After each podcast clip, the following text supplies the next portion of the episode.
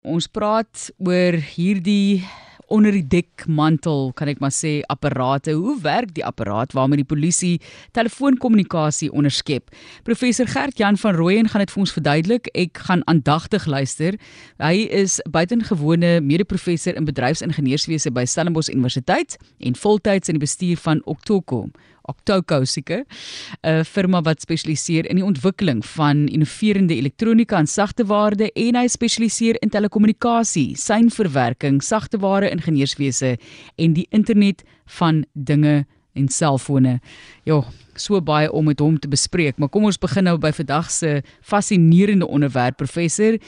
Hoe weet jy? Nee, dit is natuurlik deel van jou studies. So ons het nou onlangs aan die lig gekom of ge, gehoor van die polisie wat so wat 102 miljoen rand spandeer het aan onwettige meeluister tegnologie wat blykbaar kan inluister op selfoongesprekke en die posisie van hul eienaars met skrikwekkende akkuraatheid. Dit klink nogals na iets uit 'n James Bond rolprent, maar Ons wil asseblief weet hoe dit werk. Ek voel natuurlik daar word reeds vir ons geluister op ons selfone, maar dis nou natuurlik nie die polisie nie. So, hoe werk die apparaat waarmee die polisie telekommunikasie onderskep? Ja, maar ek, ek dink party van die aspekte daarvan is amper verontrustend maklik vir uh, die polisie of ander partye om agter te kom waar jy is. Uh, om in te luister op 'n uh, telefoongesprek is 'n bietjie moeiliker. Dis dis nou juist waarvoor die polisie uh, gesoek het vir spesialiste toerusting.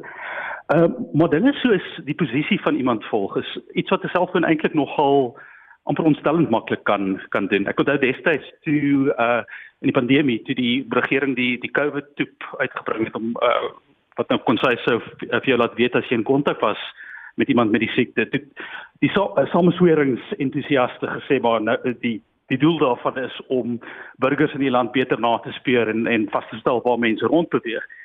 Uh, en ek wou sê ouens, dis dis nie nodig om 'n toep op jou foon te hê vir uh, die regering om te weet waar jy is nie. Hulle hulle kan alreeds dit dit doen. Al wat ons beskerm as uh, as privaat burgers is is die wette en die regulasies daar rondom. Uh so die die selfoonnetwerke wanneer jy sy net is jou is jou foon besig om te kommunikeer met 'n selfoontoring. Ehm um, en die selfoontorings weet wie wanneer waar was en die netwerke moet volgens wet rekords hou daarvan, maar daai rekords is is baie privaat. Dis goed wat hulle nie sommer kan uh vir enige iemand kan laat uh, laat weet nie. En dit en die Becky Friday skandaal val alles onder die uh die wat nog 'n mondvol is, die wet op die reëling van onderskepping van kommunikasie en verstrekking van kommunikasie verwante inligting. Gelukkig gebruik ek gewoonlik die Engelse afkorting wat RICA is en uh, daai wet vereis dat 'n uh, hofbevel nodig is om die inligting te kry. Ons gesels oor die apparaat wat hulle nodig het om na telefoonkommunikasie te luister of polisie wat dit onderskep en ons praat ook van die akkuraatheid daarvan. Jy sê dis baie akkuraat. Ja, ek dink luisteraars sal onthou uh destyds met die uh staatskapingsskandaal in 2016 ehm um, het uh die die ehm um, het Brian Molefe destyds gesê dat hy nooit enigiets met die Gupta's te doen gehad het nie. Uh daar's hofbevel gekry om sy posisie met sy selfoon te vind en dit lyk asof hy 19 maal in die omgewing van die uh Gupta's uh, se huis in Saxonwold was. En hy het natuurlik gesê nee, hy die uh hy die Shabin daar besoek en ek dink sedertdien probeer almal nog vasstel presies waar hierdie hierdie ja. Shabin is. Maar die feit van die saak is as jy in 'n val in 'n stedelike gebied is, ehm um, kan die selfoon torings jou posisie met uh, binne tiene van meters afskat. So jy kan amper sien in watter vertrek iemand iemand is. Sure. Okay, en, so wat ja, maak is daai klaar? Ja, natuurlik dit hoekom ons wette nodig het om ons as privaat burgers te beskerm. Goed, so watter inligting kan die polisie dan met die jy noem dit nou 'n spioenapparaat apparaat verskaf wat nie reeds op wettige maniere verkry kan word nie?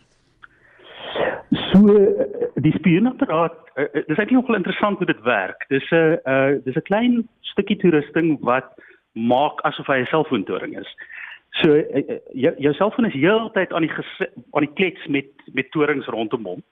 Want hy wil graag met die een gesels wat die sterkste sein gaan hê. Gewoonlik een wat die naaste aan aan jou is. Uh, want dan hoef jy selfoon nie so hard te skree nie. Dan kan hy lekker rustig kommunikeer met die met die naaste toring. Ehm uh, natuurlik as jy in die platteland is, luisteraars het dalk al agtergekom met jou battery raak vinniger pap in die platteland want die eh, die tipiese selfoontoring is is verder weg van jou af. So in daai proses van geselsmetoding die die spioenapparaat doen homself voor as een van die selfoontorings en uh, die naaste foon op die foon konnekteer dan aan die uh, apparaat wat naby aan hom is. Goed. En jy jy het gesê byvoorbeeld dit is nie onwettig om dit op te neem nie.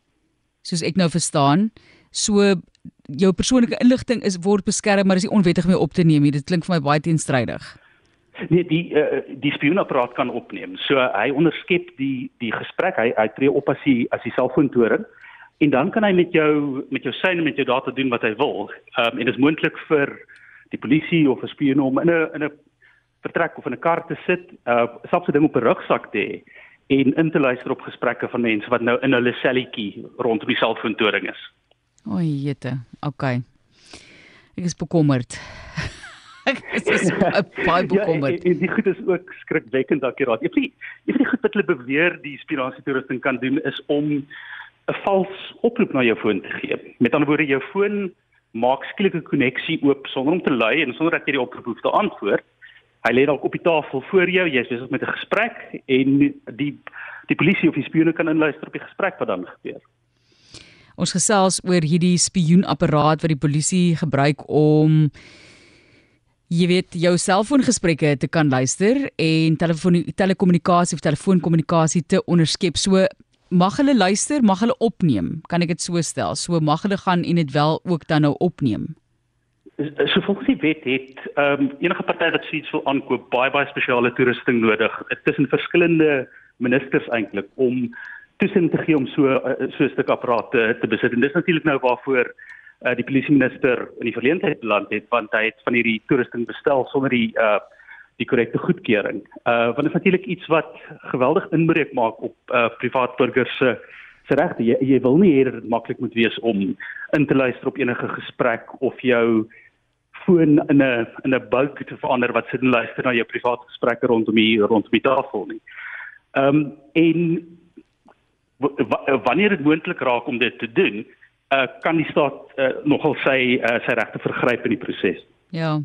Ek dink daar is baie films ook al gemaak oor Amerika byvoorbeeld wat hulle gesê het jy weet die regering begin um, na hulle eie bevolking luister veral nou na die groot aanvalle wat plaasgevind het in Amerika het mense begin bekommer oor hulle burgerlike vryhede byvoorbeeld kom ons kyk net gevinnig ook na daardie perspektief. Moet ek dan nou bekommerd wees? Moet ek besorg wees oor hierdie ding kyk ek ek dink dit is baie belangrik om bewus te wees van hoe ons eie persoonlike elektronika ons kan naspeur en en wie wie toegang kry tot daardie inligting en jy moet besef as jy selfone as jy Bluetooth apparate saam met jou dra.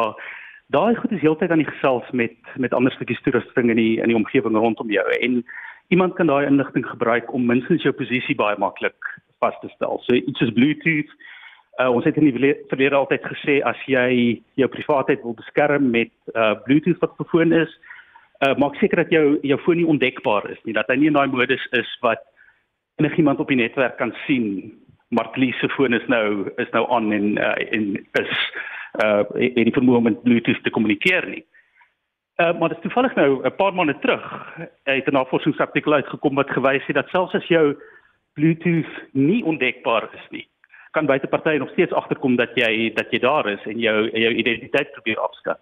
Uh en dis nogal skrikwekkend. OK, en jy wil hier ons moet die owerhede owerhede altyd swaalf, jy weet, kan ek maar sê verantwoordbaar hou. Hoe doen ons dit? Ehm um, ek ek dink dit is goed dat daar ehm um, in die publiek openlike gesprekke is oor goed soos die die polisie se aankoop van toerusting wat uh, wat nie daar moet wees nie. Ek dink ons moet bewus wees dat ons die instrumente wat ons rondom ons dra uh, lek inligting en lek lek die teenwoordigheid van uh, ons ons posisie ehm um, en dit moet kom agter te kom waar mense rondbeweeg en en versigtig te wees hoe ons onsself omring met elektroniese toerusting.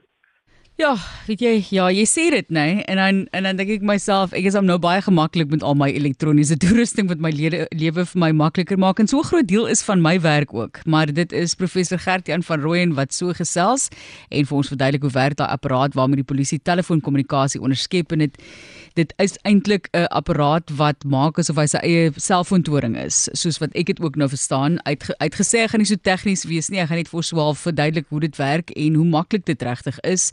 En so, kan ek net iewers dit gaan koop? Moet ek dit invoer van oorsee af of is hier 'n winkeltjie op die hoek waar ek kan instap en die ding gaan koop, professor?